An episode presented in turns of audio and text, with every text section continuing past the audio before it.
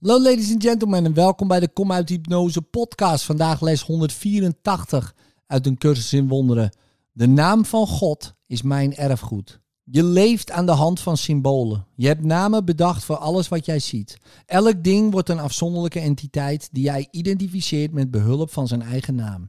Daarmee hou je het uit de eenheid los. Daarmee markeer je zijn bijzondere kenmerken en zonder je het van andere dingen af door de ruimte eromheen te benadrukken. Deze ruimte zet jij tussen alle dingen die je elk van een andere naam voorziet. Alle gebeurtenissen die je uitdrukt in termen van plaats en tijd. Alle lichamen die je met een naam begroet. Deze ruimte die je ziet als iets dat alle dingen uit elkaar houdt, is de manier waarop de waarneming van de wereld wordt verkregen. Je ziet iets waar niets is en ziet tegelijk niets waar eenheid is. Een ruimte tussen alle dingen, tussen alle dingen en jou. Zo denk je dat je in afscheiding leven hebt geschonken. Door deze splitsing denk je dat daarmee vaststaat dat jij een eenheid bent die functioneert met een onafhankelijke wil. Wat zijn toch deze namen waardoor de wereld een reeks wordt van onsamenhangende gebeurtenissen, van onverenigde dingen, van lichamen die apart worden gehouden en die elk een stukje denkgeest als een afzonderlijk bewustzijn bevatten? Jij hebt ze deze namen gegeven en bracht waarneming tot stand zoals jij wenste dat waarneming was. Het naamloze werd naam gegeven en zo werd er ook werkelijkheid aan verleend. Want wat benoemd wordt, krijgt betekenis en zal vervolgens als betekenisvol worden gezien. Een oorzaak van een werkelijk gevolg met consequenties die daar inherent aan zijn. Zo wordt de werkelijkheid gemaakt door een deelvisie, die doelbewust tegenover de gegeven waarheid wordt geplaatst. Haar vijand is heelheid. Ze maakt zich een voorstelling van futiliteiten en kijkt ernaar en een ontbreken van ruimte, een gevoel van eenheid of een visie die anders ziet, worden de bedreigingen die zij moet overwinnen bestrijden en ontkennen. Toch blijft deze andere visie nog steeds een natuurlijke richting waarin de denkgeest zijn waarneming kanaliseren kan. Het is moeilijk om de denkgeest duizenden en nog eens duizenden vreemde namen aan te leren. Toch geloof je dat dit het is wat leren inhoudt. Dat dit zijn ene wezenlijke doel is waarmee communicatie wordt bereikt en begrippen zinvol met anderen kunnen worden gedeeld. Dit is het totaal van het erfgoed dat de wereld schenkt. En ieder die leert denken dat dit zo is, aanvaardt de tekens en symbolen die bevestigen dat de wereld werkelijk is. Dat is waarvoor ze staan. Ze laten er geen twijfel over bestaan dat wat benoemd is, er is. Het kan worden gezien zoals het is geanticipeerd. Wat ontkent dat het waar is, is maar een illusie, want het is de ultieme werkelijkheid. Eraan twijfel is dwaasheid. De aanwezigheid ervan aanvaarden is een bewijs van gezond verstand. Dat is wat de wereld jou leert. Het is een leerfase waar ieder die komt doorheen moet gaan. Maar hoe eerder hij ziet waarop die berust, hoe twijfelachtig de uitgangspunten ervan zijn en hoe dubieus de resultaten, des te eerder hij de effecten ervan in twijfel trekt. Een leerproces dat eindigt met wat de wereld pleegt te onderwijzen eindigt zonder betekenis. Wanneer het zijn juiste plaats inneemt, dient het slechts als startpunt van waaruit een ander soort leren beginnen kan. Een nieuwe waarneming kan worden verworven en alle willekeurige namen die de wereld geeft kunnen worden teruggehaald nu zij in twijfel worden getrokken. Denk niet dat jij de wereld hebt gemaakt. Illusies, jazeker. Maar wat op aarde en in de hemel waar is, ligt buiten het bereik van jouw naamgeving.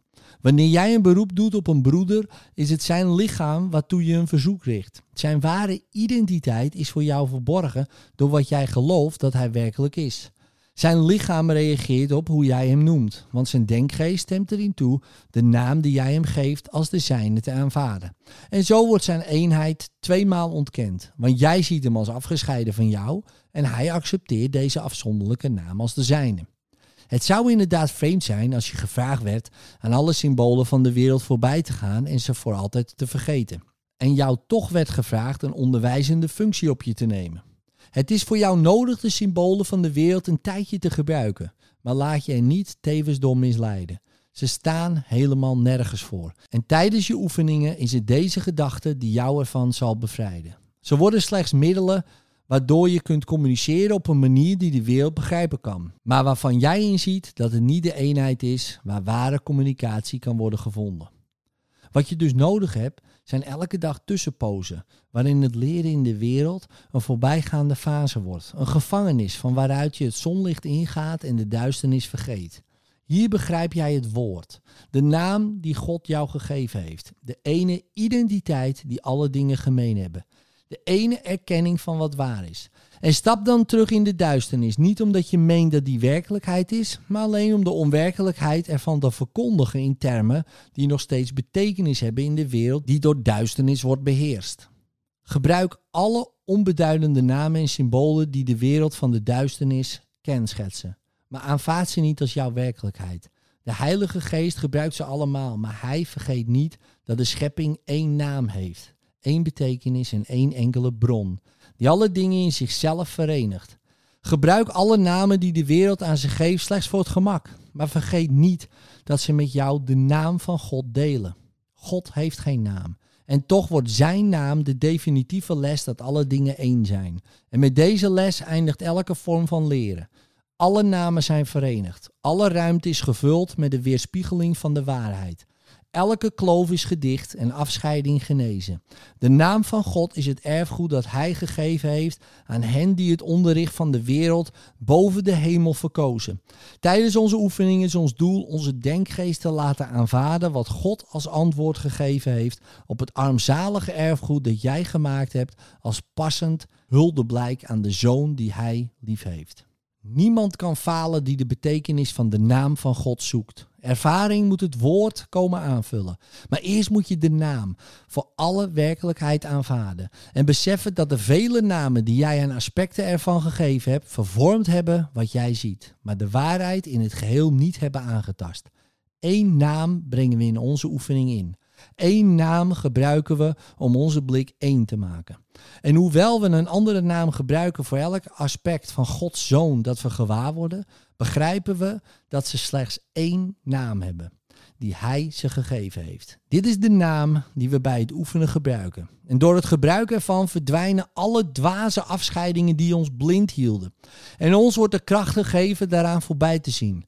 Nu wordt onze blik gezegend met zegeningen die we kunnen geven zoals we ze ontvangen. Vader, onze naam is de uwe. In uw naam zijn we verenigd met al wat leeft en met u, die een ene schepper bent. Wat wij gemaakt hebben en bij vele verschillende namen noemen, is slechts een schaduw die we probeerden te werpen over uw eigen werkelijkheid. En we zijn blij en dankbaar dat we ongelijk hadden.